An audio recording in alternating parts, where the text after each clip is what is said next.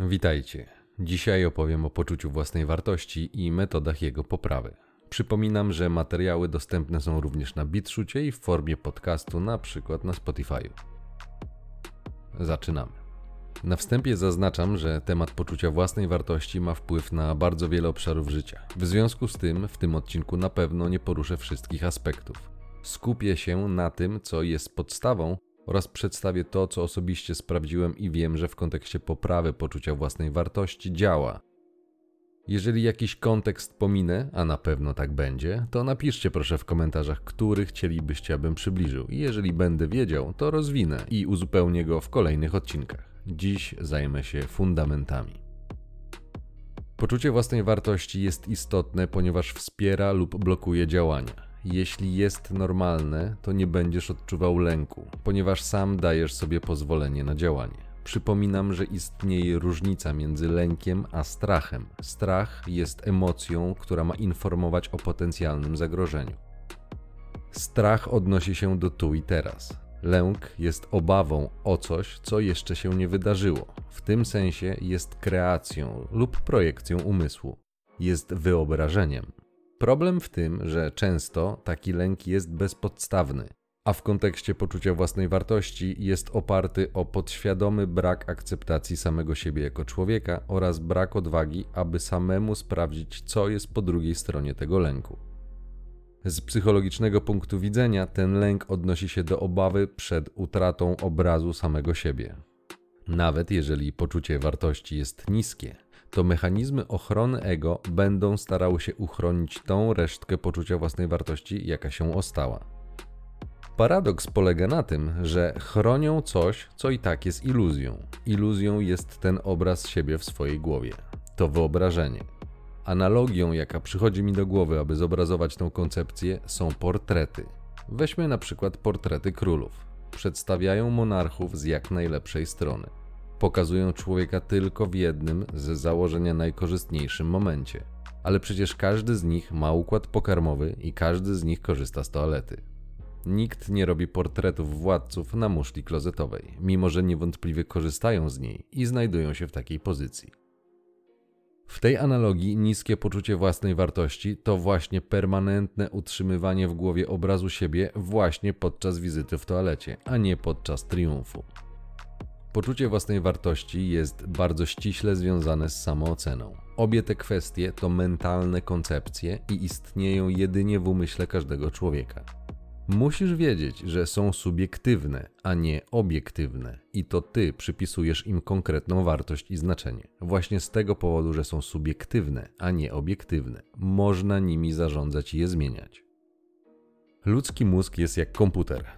Przekonanie o swojej wartości i samoocenie jest jak program lub aplikacja. Można go kasować, zmieniać lub aktualizować. Oczywiście w dorosłym życiu nie jest to takie proste, ze względu na inny sposób uczenia się dorosłego człowieka aniżeli dziecka. Dorosły człowiek uczy się głównie przez powtórzenia danej czynności. Myślenie też jest czynnością, dlatego trzeba uważać na swoje myśli i kontrolować je, a przynajmniej być ich świadomym bo wtedy możesz panować nad tym, co wpuszczasz do głowy i co utrwalasz, jaki wzorzec. Nieświadomy umysł również uczy się w ten sposób. Jest to o tyle istotne, że niska samoocena jest pewnego rodzaju nawykiem nawykiem myślenia o sobie. Niska samoocena to myślenie o sobie najczęściej źle. To jest to zdjęcie króla na porcelanowym tronie. W praktyce sprowadza się to do myślenia o sobie, że jest się niewystarczająco dobrym lub nawet niegodnym, że nie zasługuje się na różne dobre rzeczy, jakie mogą człowieka spotkać. Nie musi i często nawet nie jest to uświadomione przekonanie, ale ono już jest zainstalowane i sabotuje działania. Sabotaż polega na tym, że jeżeli masz jakieś blokujące przekonanie i podejmujesz działanie, to bardzo szybko pojawią się nieprzyjemne odczucia lub emocje, które w swej intencji mają chronić cię przed nieprzyjemnością. Proponuję mały eksperyment. Pomyśl o sobie dobrze. Możesz też zrobić to przed lustrem, aby widzieć siebie, swoją twarz i swoje ciało. Pomyśl o sobie dobrze i powiedz sobie kilka ciepłych, miłych słów, kilka komplementów. Na przykład: zasługujesz na szczęście, podobasz się sobie, jesteś wartościowy, jesteś wyjątkowy i tak dalej. Obserwuj, co w odpowiedzi wyrzuci ci podświadomość w postaci emocji. Jeśli poczujesz zniesmaczenie lub odrazę, to będziesz wiedział, że masz przekonanie, że nie jesteś wystarczająco dobry i że nie zasługujesz do tego stopnia, że nie możesz sam tego o sobie powiedzieć. Znam ludzi, którzy nie są w stanie wymówić takich słów o sobie, nie są w stanie nawet pomyśleć o sobie dobrze. To będzie wskazówka, że samoocena leży i kwiczy. Jeśli możesz tak powiedzieć bez większych problemów, to albo nie jest tak źle, albo nosisz maskę. Wymaga to głębszego przyjrzenia się sobie, ale gdy przez gardło nie mogą ci przejść pozytywne słowa na swój temat, to jest sygnał, że nie masz prawdziwych przekonań o swojej wartości i warto zabrać się za ich poprawę. Dlatego często powtarzam, że tak ważne jest poznanie siebie. Skąd wzięły się takie przekonania? Mechanizm jest następujący. Gdy Twoja podświadomość przyjmie jakiś program, uwierzy w coś, a najczęściej takie przekonanie zostało zaszczepione w domu rodzinnym lub w szkole na wczesnym etapie życia, to następnie jakiekolwiek działanie niezgodne z tym przekonaniem będzie sabotowane. Dla przykładu, jeżeli dziecko otrzymywało zainteresowanie od rodziców jedynie warunkowo, tylko wtedy, kiedy zrobiło coś, czego rodzic od niego oczekiwał, a nie otrzymywało ciepła bezinteresownie, to uczy się, że aby otrzymać zainteresowanie, atencję, musi spełniać czyjej zachcianki. W tym przypadku rodziców, a nie swoje. Czyli aby otrzymać tak potrzebną dla prawidłowego rozwoju uwagę, musi uzależnić swoje działanie od potrzeby i wymagania rodzica. Wtedy poczucie wartości dziecka staje się warunkowe. Podświadomy wzorzec jest następujący: będę wartościowy, jeżeli rodzic będzie ze mnie zadowolony kontekście relacyjnym, przykład karanie ciszą jest objawem deficytu uwagi z dzieciństwa. Jeżeli masz dziewczynę, która po okresie zauroczenia notorycznie częstuje cię fochem i cichymi dniami, to najczęściej jest próba ukarania cię psychicznie za brak spełnienia jej wymagań. Robi to w sposób, jaki sama doświadczyła i z autopsji wie, że to boli i zmusza do działania. Brak atencji oznacza brak aprobaty, a to dla dziecka jest bolesne. Wtedy zrobi dużo, aby taką aprobatę otrzymać.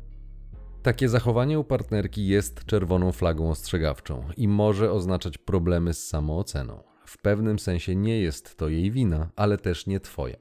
Doświadczenie nauczyło mnie, że taka osoba może być uszkodzona, a przez to do długoterminowego związku może być po prostu problematyczną partnerką. Możesz bawić się w jej psychologa, ale nie polecam, bo żeby komuś pomóc, ten ktoś musi chcieć pomocy, a jeśli nie jest tego świadomy, to nie pomożesz. Po prostu nic nie wskórasz. Próbując pomóc, będziesz się tylko frustrował na brak efektów pomocy. Przykro mi, takie są zasady gry. W opisie umieszczę link do krótkiego artykułu, który pokazuje, jakie problemy niesie za sobą toksyczne wychowanie dziecka. Temat jest obszerny, ale jeżeli Cię zainteresuje, to wskazuje kierunek, gdzie uzyskasz więcej informacji. Dla przykładu, szybkie dwa cytaty z rzeczonego artykułu. Wychowanie powierzchowne.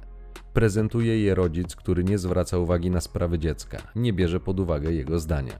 Uważa, że dziecko ma po prostu być i nie sprawiać kłopotów. Najczęściej taki malec wychowany jest w cudzysłowie od czasu do czasu gdy dostanie gorszą ocenę w szkole, gdy w złości przeklnie lub zachowa się niewłaściwie.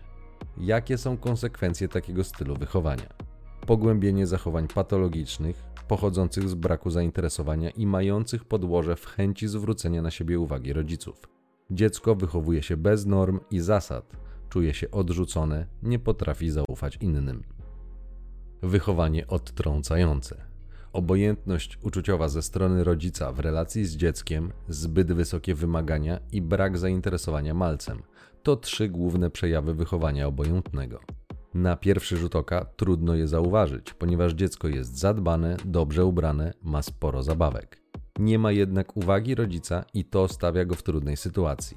Takie dzieci nie mają wytyczonych granic, co sprawia, że funkcjonują tak, jak podpowiada im dziecięcy instynkt. Jest to przyczyną zaburzeń emocjonalnych, zagubienia, ale także wybuchowego charakteru i nieradzenia sobie z własnymi emocjami. Dzieci odtrącone często popadają w nałogi. Wcześniej opisałem technikę manipulacji poczuciem własnej wartości. Każdy, kto padł ofiarą tej techniki, jest dowodem, że można to zrobić. Jeżeli można to zrobić komuś, to tym bardziej można to zrobić sobie. Cały sekret polega na tym, aby zrobić to świadomie i samodzielnie, w kierunku, który jest korzystny dla ciebie, czyli w kierunku podwyższenia samooceny, a nie jej obniżenia. O to się nie martw. Ludzie z Twojego otoczenia już zadbają, żebyś nie miał wysokiej samooceny. Ponieważ jest to dla nich zagrożenie, więc będą próbowali ściągnąć Cię do swojego poziomu. A manipulatorki wykorzystując tą warunkowość do tego, abyś spełnił ich cele. Będę Cię kochała, jeżeli będziesz taki lub taki. Będę Cię kochała, jeżeli zrobisz to czy tamto. To nie jest miłość, a ustalanie warunków dla transakcji. Moje zadowolenie za Twoje poświęcenie. Dziękuję, nie kupuję. Obiektywnie nie istnieje przedmiot fizyczny o nazwie wartość własna. Ta koncepcja jest w takim samym stopniu prawdą, jak i iluzją, ponieważ zależy od punktu widzenia. Przypominam analogię z portretem króla. Jest to atrybut, pewna właściwość lub cecha przypisana do rzeczy, a nie sama rzecz. Ty ją przypisujesz, świadomie lub nie, ale nikt inny. Dlatego musisz wiedzieć, bo tylko wiedząc będziesz mógł to zmienić. W odcinku numer 2 o podaży i popycie wyjaśniłem, że każdy indywidualnie przypisuje wartość według użyteczności lub przyjemności, jaką rzecz, osoba lub koncepcja generuje dla niego. W skrócie, jeden lubi las, drugi córkę leśniczego. Tak samo jest z pewnością siebie. To, jakie masz przekonania na swój temat, jaki obraz siebie utrzymujesz w głowie, decyduje, czy czujesz się pewnie, czy nie. Mówię o tym, ponieważ jest to pierwszy, bardzo ważny do zrozumienia koncepcji pewności siebie filar. Ty sam, nikt inny, decydujesz o tym, jaką wartość przypisujesz sobie. Nawet jeżeli ktoś będzie celowo obniżał Twoją samoocenę, to aby zadziałało, musisz się na to zgodzić. Często ta zgoda jest nieświadoma i wyraża się przez brak sprzeciwu.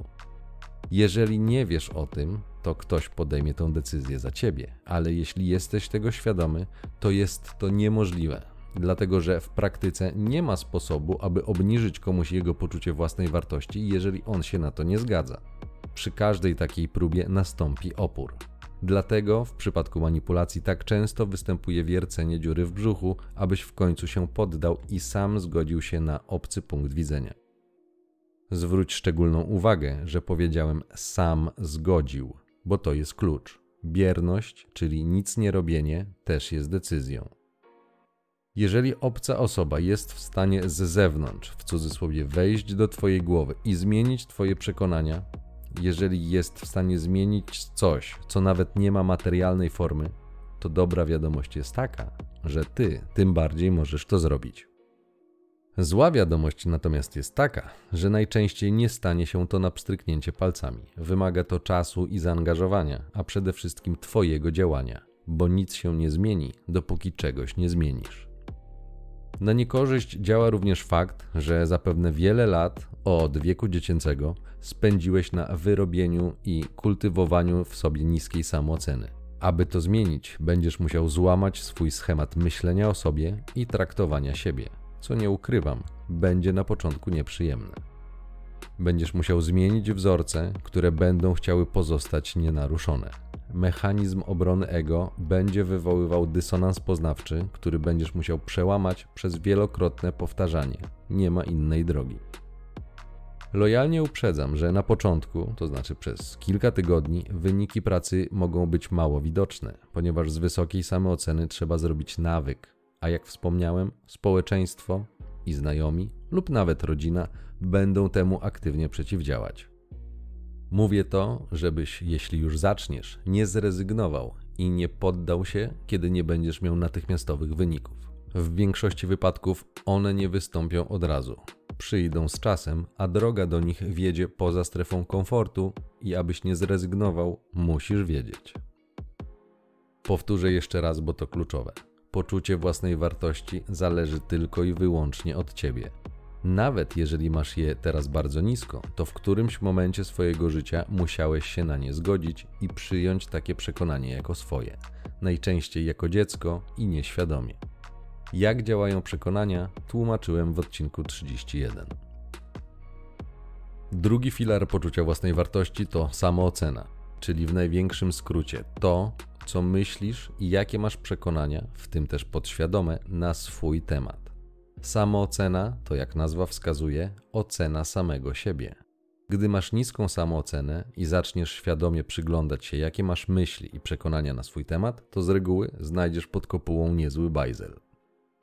Będziesz musiał posprzątać go i przerobić często nieprzyjemne i bolesne momenty ze swojej przeszłości, bo tylko to pozwoli ci trwale podnieść poczucie własnej wartości. Dlatego, że te przekonania warunkują sposób, w jaki myślisz o sobie, bo to z nimi zetknąłeś się w pierwszej kolejności. Jednak mają wpływ na to, jak działasz, nawet 40 lat później. Dlatego musisz wiedzieć. Kiedy samoocena kuleje, to nie może być wysokiego poczucia własnej wartości. Można oszukiwać świat zewnętrzny co do samooceny, mniej lub bardziej skutecznie, zakładając różnego rodzaju maski. Ba, można nawet oszukiwać samego siebie. Robi się tak, ponieważ do pewnego stopnia jest to skuteczne i w ten sposób można wpływać na nieświadomych ludzi. Dlatego zachęcam Cię, abyś stał się bardziej świadomy, bo przynajmniej nie będziesz okłamywał samego siebie i zrozumiesz racjonalizacje, jakich dokonuje Twój mózg, aby chronić obraz samego siebie, swoje ego. Przykładem takiego udawania jako mechanizmu obronnego są na przykład osoby z zaburzeniami narcystycznymi.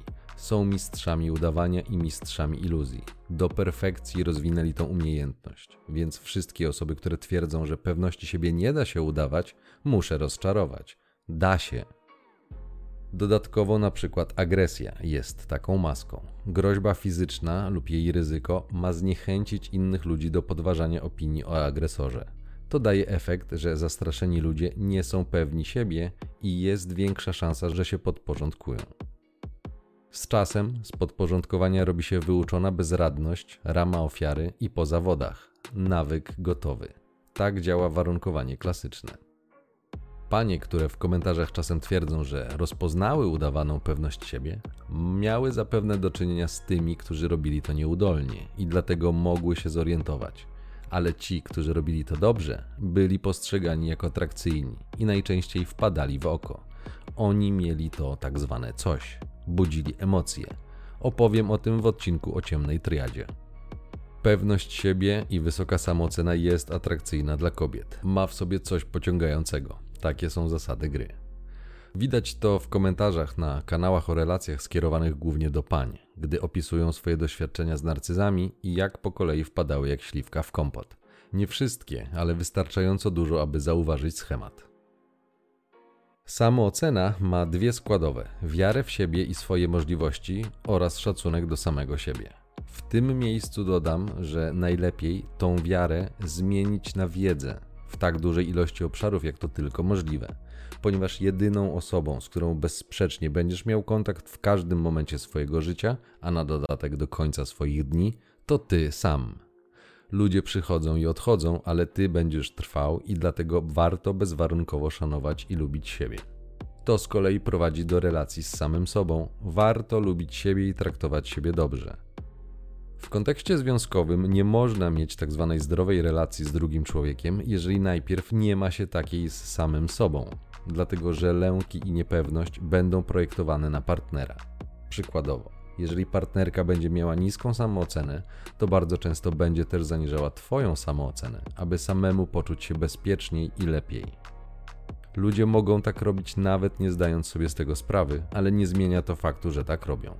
Z całą pewnością miałeś z tym do czynienia wiele razy, dlatego wcześniej wspomniałem o wzorcach i zachowaniach, jakie nabywa się do około siódmego roku życia.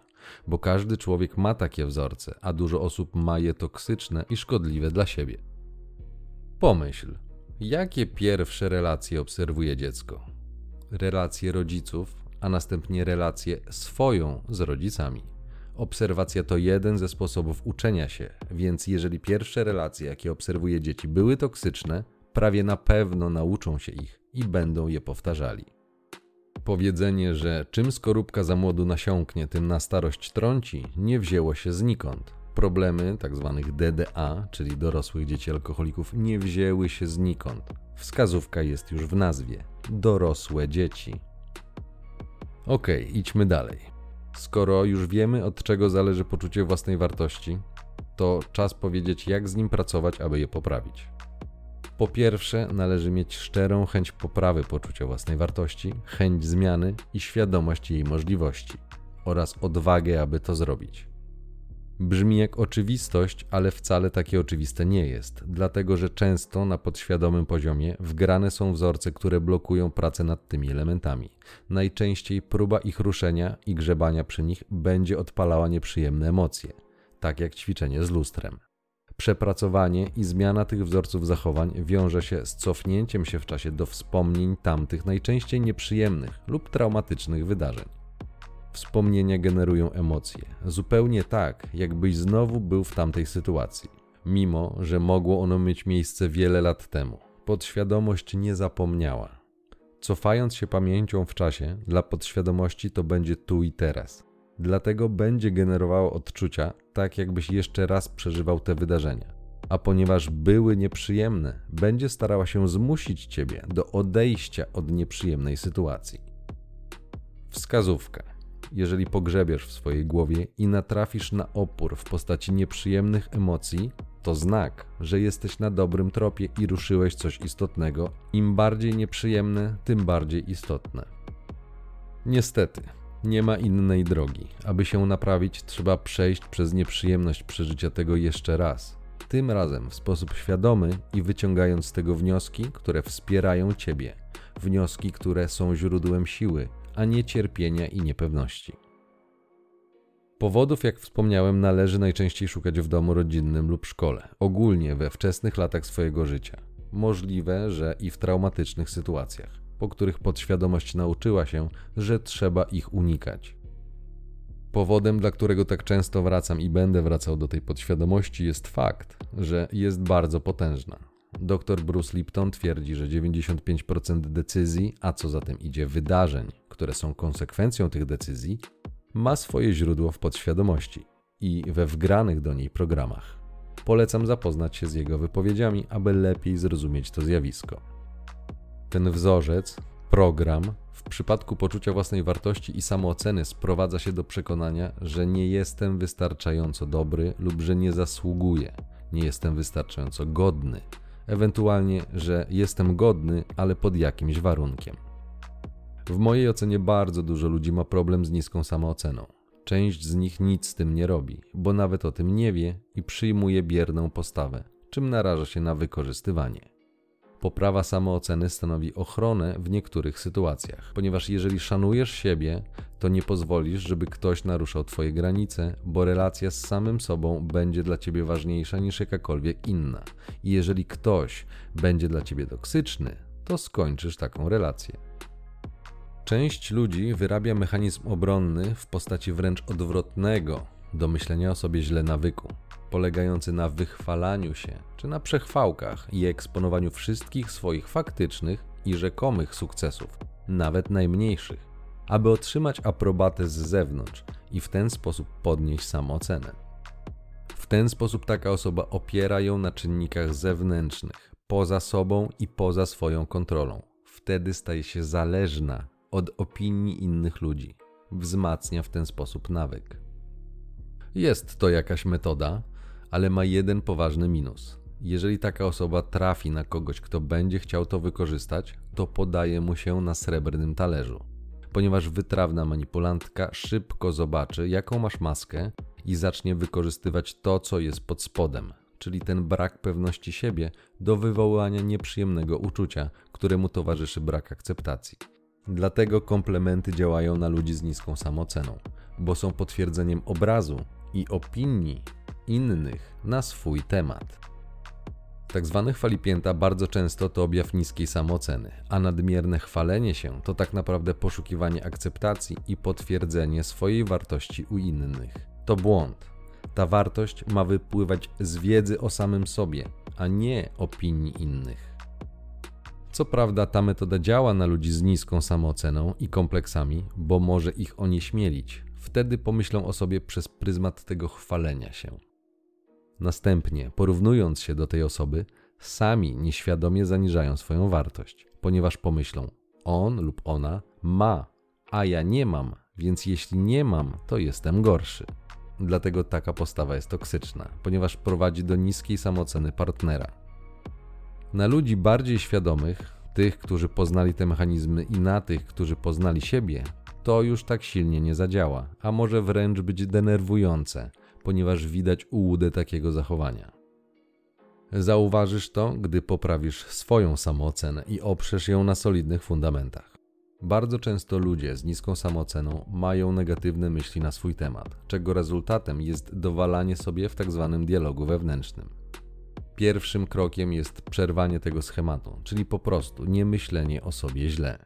Jest takie powiedzenie, że jeżeli znalazłeś się w dołku, to przestań kopać. Dowalanie sobie w myślach jest właśnie takim kopaniem.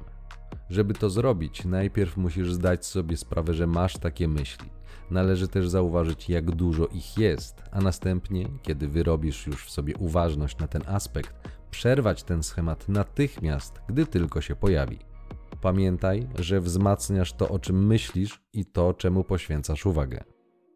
Sposobem, którego ja używałem, aby uświadomić sobie ilość negatywnych myśli, było założenie na nadgarstek zwykłej gumki recepturki i strzelanie tą gumką za każdym razem, gdy zauważyłem, że generuje negatywne myśli na swój temat. Tych myśli dziennie było dużo, czasem bardzo dużo. Kiedy nauczysz się rozpoznawać, jakie masz myśli, w tym te negatywne, trzeba je po prostu zakwestionować, zadając pytanie, czy na pewno to, co myślę, jest prawdą. Bardzo często okaże się, że ta myśl jest interpretacją i opinią, a nie obiektywną prawdą. Lęk prawie zawsze dotyczy przyszłości, czyli czegoś, co jeszcze się nie wydarzyło, więc jest to forma projekcji. Zastanów się, czego możesz się bać, utraty czego boisz się, jeśli coś zrobisz lub czegoś nie zrobisz. Dla zobrazowania tego mechanizmu pomyśl o do połowy wypełnionej wodą szklance. Optymista powie, że szklanka jest w połowie pełna, pesymista, że w połowie pusta. Obiektywnie szklanka jest napełniona w 50%. Skąd zatem taka różnica w postrzeganiu? Ano właśnie z subiektywnej oceny. Faktem jest, że jest napełniona w połowie, ale czy to pół jest półpełne czy półpuste, to już interpretacja i jest ona zależna od tego, jak postrzega ją dany człowiek. Postrzeganie zależy od przekonań, które są filtrami percepcyjnymi. Przypominam odcinek o przekonaniach. I właśnie tutaj jest miejsce na zmianę tej interpretacji. Ta zmiana interpretacji nosi nazwę przeramowania, czyli przyjęcia innego punktu widzenia lub odniesienia, aby ocenić jakiś fakt i tym samym nadać mu inne znaczenie. Masz władzę nad tym, jak oceniasz obiektywne wydarzenie. Jeżeli nie zrobisz tego świadomie, to taką ocenę zastosuje Twoja podświadomość na podstawie programów, jakie ma.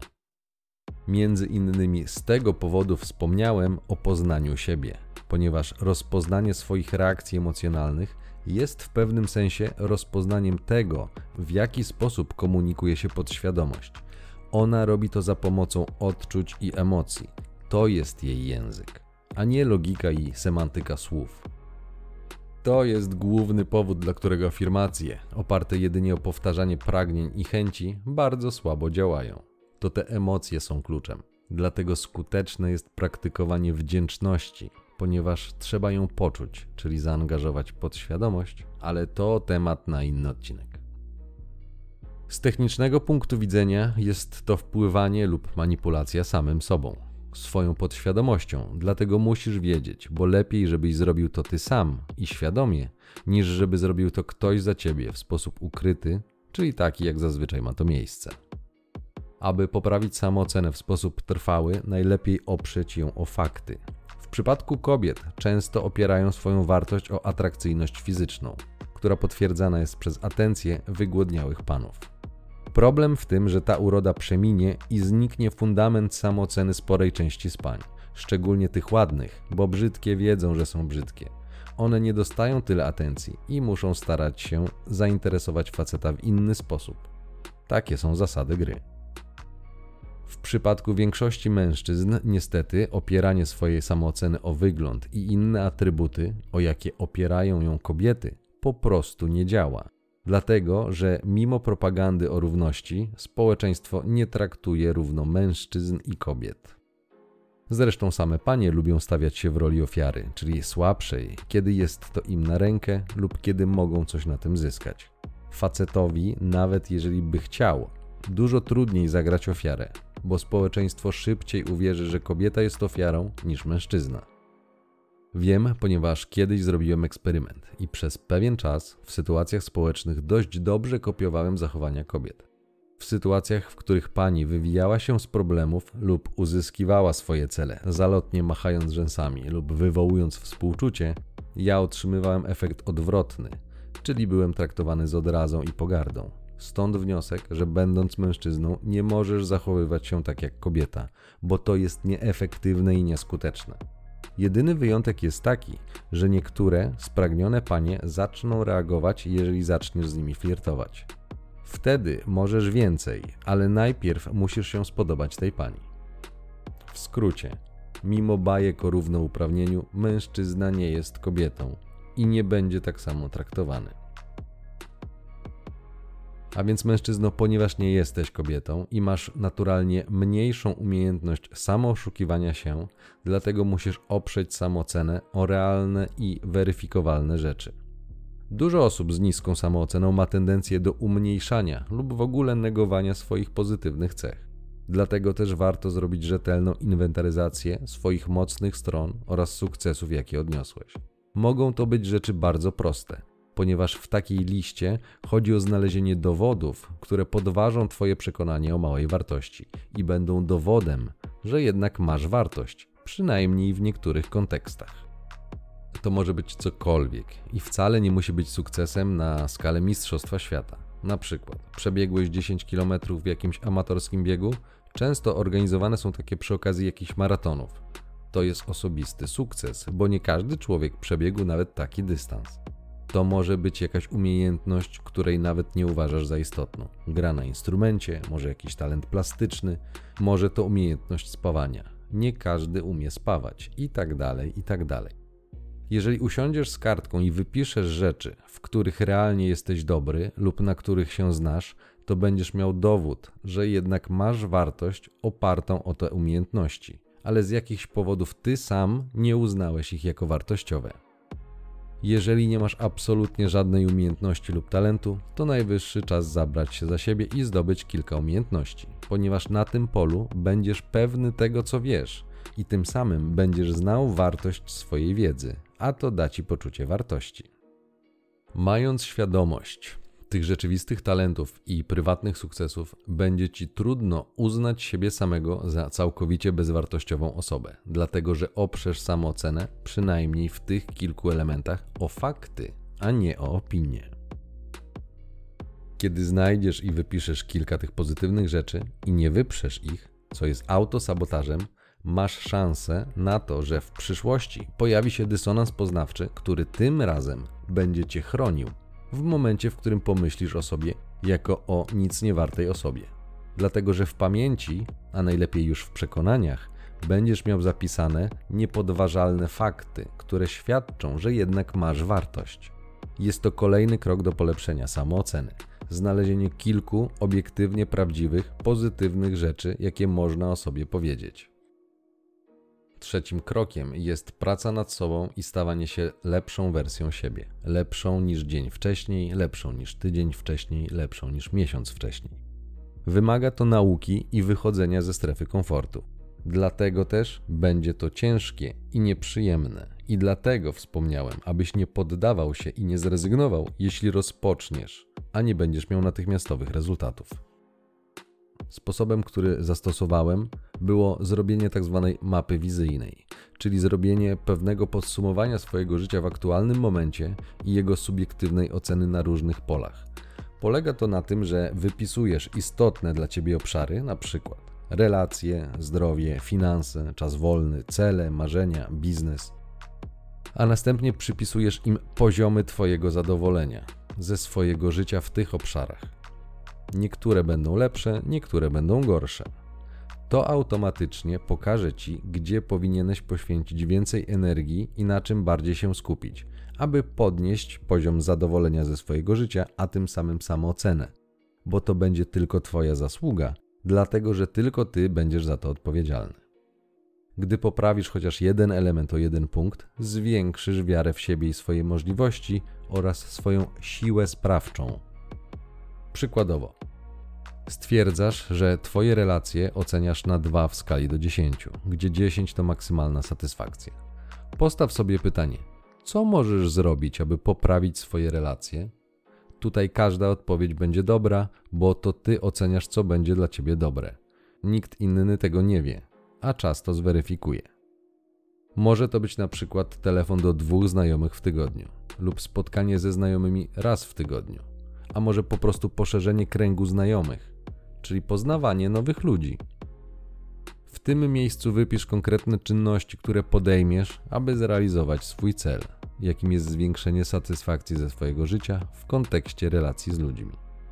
Mogą to być relacje koleżeńskie lub intymne. Sam musisz zdecydować, co jest dla ciebie ważne. Po jakimś czasie, na przykład po miesiącu, kiedy wykonasz to, co sobie założyłeś, zweryfikuj, czy to, co zrobiłeś, podniosło Twoje zadowolenie. Jeżeli tak, to dobrze. Właśnie wziąłeś życie w swoje ręce i stałeś się bardziej sprawczy. Jeśli nie poprawiła się Twoja ocena na tym polu, to również dobra wiadomość, bo właśnie dowiedziałeś się, że to, co postanowiłeś zrobić, nie przynosi zadowolenia. W związku z tym możesz zmienić cel i nie tracić więcej czasu na rzeczy, które dla Ciebie nie działają. Największy ząg, jaki można tu popełnić, to zrobić taką listę, wyznaczyć cele, a następnie nie zrobić nic z zaplanowanych rzeczy. Nawet gdybyś miał mieć miesiąc opóźnienia, zrób jeden krok dziennie w danym kierunku, ponieważ gdy zaczniesz robić to, co sam zaplanowałeś, występuje ciekawe zjawisko. Mianowicie, z każdą rzeczą, którą zaplanujesz i zrobisz, wzrośnie Twoja pewność siebie. Im bardziej ważny dla Ciebie i ambitny cel zrealizujesz, tym bardziej pewny siebie się staniesz. Występuje tutaj sprzężenie zwrotne. Każdy zrealizowany cel doda ci wiary w siebie. Więc jeśli już coś postanowisz, to po prostu to zrób. Bez względu jak nieprzyjemnie będziesz się w międzyczasie czuł i bez względu na jaką prokrastynację trafisz. Ponieważ gdy postanowisz zrobić coś istotnego, a ostatecznie tego nie zrobisz, to najczęściej samoocena obniży się. A na dodatek wewnętrzny krytyk będzie podpowiadał ci, że jednak nie jesteś nic wart. Więc po prostu zrób to, co sobie postanowiłeś. Dokładnie z tego powodu trzeba wyznaczać sobie cele. Pamiętaj, nie ma porażek, są tylko informacje zwrotne. Gdy zaczniesz wytrwale używać takiej mapy oraz wprowadzać i realizować w swoim życiu cele, to jakby przy okazji zyskasz umiejętność zarządzania sobą i swoim czasem. Stanie się tak dlatego, że na którymś etapie, aby zwiększyć swoją efektywność, będziesz musiał poprawić zarządzanie, gdyż doba ma tylko 24 godziny. Gdy zaczniesz zadawać sobie pytanie, co mogę poprawić, co mogę zrobić lepiej, to w którymś momencie pojawi się taka odpowiedź. Możesz lepiej zarządzać swoim czasem, co sprowadza się do wyboru priorytetów. Jeżeli chcesz całe dnie uganiać się za dziewczynami, oczywiście możesz, ale będzie to miało konsekwencje, takie, że zaniedbasz inne obszary. Na ten temat jest już cała literatura. Jak to zrobić? Od czego zacząć, aby lepiej zarządzać sobą i czasem? Na przykład Brian Tracy, ale też masa innych, chociażby bardziej akademickie z dziedziny zarządzania, jak na przykład zarządzanie projektami. Jeżeli do tej pory nie robiłeś tego, to gdy zaczniesz realizować swoje cele, nawet jeżeli na początku wydadzą ci się małe i nieznaczące, to za którymś razem zauważysz, że po prostu stajesz się w tym dobry. Trening czyni mistrza. Jest taka scena filmowa, która tłumaczy ten mechanizm robienia rzeczy niewygodnych. Co prawda w innym kontekście, ale dobrze opisuje mechanizm. Pochodzi z filmu Synowie Mafii. Link umieszczę w opisie. Po prostu trzeba działać samo nic nie przyjdzie. Samoocenę, wiarę w siebie i poczucie własnej wartości można budować, ale wymaga to wytrwałego działania. Większość ludzi nie ma rezultatów, ponieważ albo nawet nie podejmuje działania, albo bardzo szybko rezygnuje. Dlatego na początku mówiłem o tym, abyś nie rezygnował, gdy nie będziesz miał natychmiastowych wyników. To najprostsza droga donikąd. Z innej strony można wykorzystać swoje ciało, aby podnieść swój poziom pewności siebie. Nie jest to trwała metoda, jeżeli nie dokonałeś zmiany na poziomie przekonań, ale w krótkim okresie działa. Nie musisz jej pilnować i stosować, jeżeli poprawisz swój mindset. Gdy go polepszysz i będziesz miał zdrowe przekonanie o poczuciu swojej wartości, wyprostowana postawa ciała będzie robiła się automatycznie, bo nie będziesz bał się cudzej opinii i krytyki, a to sprawi, że bez zwracania uwagi będziesz szedł przez życie wyprostowany, dosłownie i w przenośni. Zauważ, że jeżeli osoba czegoś się boi, to ma tendencję do chowania się, jakby kurczenia się. To są właśnie zamknięte pozycje ciała. Przypominam o pozycjach mocy i Emi. Nigdy nie poczujesz się pewny siebie, jeżeli będziesz miał zamkniętą pozycję. Wystarczy, że będziesz miał wyprostowane plecy i patrzył przez siebie, a już dużo trudniej będzie ci myśleć o sobie źle i w ten sposób to pomoże. Ciało wpływa na myśli, myśli wpływają na ciało. Zależy z której strony chcesz zacząć to kontrolować. Możesz wpływać na pewność siebie poprzez swoje ciało. Nie spuszczaj wzroku, chyba że szukasz czegoś na ziemi. To, że ty kogoś nie widzisz, nie patrzysz mu w oczy, to nie znaczy, że on nie widzi ciebie. To ekwiwalent chowania głowy w piasek i unikania. Jest to oznaka dla drapieżników, że masz mentalność ofiary. Zwróć na to uwagę, obserwując siebie. Będzie to pomocne, jeżeli będziesz chciał zacząć od tej części budowania pewności siebie, od strony ciała. Cały powyższy materiał służy intelektualnemu zrozumieniu koncepcji pewności siebie i działa w praktyce, ale jest też druga droga. Nie przejmuj się tym, co pomyślą i powiedzą o tobie inni, tylko zrób to, co masz zrobić. Nie oglądaj się na cudze opinie. Po prostu, gdy coś postanowisz, to to zrób. Nawet jeśli po drodze będziesz miał potknięcia. Działaj mimo to. Działaj mimo nieprzyjemnych odczuć. Po jakimś czasie wyrobisz sobie nawyk robienia tego, co chcesz, a nie tego, co musisz bez zbędnego przeintelektualizowania i dogłębnego zrozumienia całego zagadnienia. Wyznacz cel i zrób go. Pamiętaj, że brak pewności odnosi się do lęku przed utratą obrazu samego siebie. Lęku, że gdy coś zrobisz, to ludzie powiedzą coś niemiłego na Twój temat, że nie podtrzymają iluzji Twojego ego. Twój obraz samego siebie z definicji i tak jest nieprawdziwy. Czego się boisz? Co ludzie powiedzą? Że tak nie wypada, czy że poczujesz nieprzyjemne emocje. I tak to powiedzą, jeśli będą mieli w tym interes. Więc po co się przejmować? Póki nie zależysz od nich, niech gadają co chcą. Gdy to zrozumiesz, będziesz o krok bliżej, ponieważ poluzujesz kajdany przekonań i uwarunkowań, jakie społeczeństwo narzuciło ci. Nie wierz mi na słowo. Przetestuj. Proponuję eksperyment. Wyjdź na główną ulicę twojej miejscowości i zrób coś rzekomo głupiego albo coś dziwnego. Na przykład, przejdź 200 metrów z podniesioną do góry ręką, tak jakbyś w szkole zgłaszał się do odpowiedzi. W swojej głowie będziesz miał myśli, że będziesz wyglądał jak debil, ale sprawdź, co się stanie. Co się stanie, gdy to zrobisz. Podpowiem ci. Nic się nie stanie. Dowiesz się czegoś o sobie wyjdziesz ze strefy komfortu i zdasz sobie sprawę, że strach ma wielkie oczy. Ludzie popatrzą na ciebie może przez 3 sekundy, ci bardziej ciekawscy przez 7 i tyle, a ty pójdziesz dalej. Nikt nie zwróci na ciebie większej uwagi, bo każdy będzie zajęty swoimi sprawami. Gdy zrobisz taki eksperyment, po tych 200 metrach poczujesz ciekawe uczucie. Przyjrzyj się jemu, bo jeśli masz niską samoocenę, to uczucie może nie być dla ciebie znajome, i możesz nie wiedzieć, co to jest. Nie powiem ci, jakie to uczucie, sprawdź sam. Powiem tylko, że jest przyjemne. Dalej pozostanie tylko przekraczanie swoich kolejnych barier, jak u sportowca. Jeżeli teraz nie do końca pojmujesz koncept, o którym mówię w tym odcinku, to zrób eksperyment z ręką, doświadczysz i zrozumiesz. Na koniec dodam tylko, że dzięki zdrowemu przekonaniu o swojej wartości łatwiej będzie ci cieszyć się z sukcesów innych, ponieważ nie będziesz odbierał ich jako zagrożenia dla siebie. Nie będziesz zazdrościł w niezdrowy sposób. Czyli skoro ja nie mam, to ty też nie możesz mieć, bo ja wyjdę na gorszego i słabszego. Zmniejszy się lub zniknie odczuwanie zawiści. W ten sposób zauważysz i będziesz w stanie choć trochę poskromić swoje ego. Gdy wytrwasz i uda ci się poprawić samoocenę, i gdy będziesz miał porównanie między niską a wyższą, to zaczniesz rozpoznawać te same mechanizmy u innych ludzi. Zauważysz ich racjonalizację i kompleksy. Rozpoznasz je, ponieważ są dokładnie takie same jak u ciebie. Ludzie są inni, ale mechanizmy są te same. Nie mówię, że to jest łatwe, bo nie jest. Na przeszkodzie będą stały stare przekonania i nawyki myślowe, ale masz nad tym kontrolę i możesz je zmienić. Tylko musisz wiedzieć, że tak jest. Przy okazji, gdy zaczniesz wychodzić ze strefy komfortu, poznasz, czym jest odwaga. Pojęcie akceptacji samego siebie i swoich niedoskonałości również znajdzie się na drodze zwiększenia poczucia własnej wartości. Więc jeśli masz niską samoocenę, zachęcam do pracy nad sobą. Ciąg dalszy nastąpi.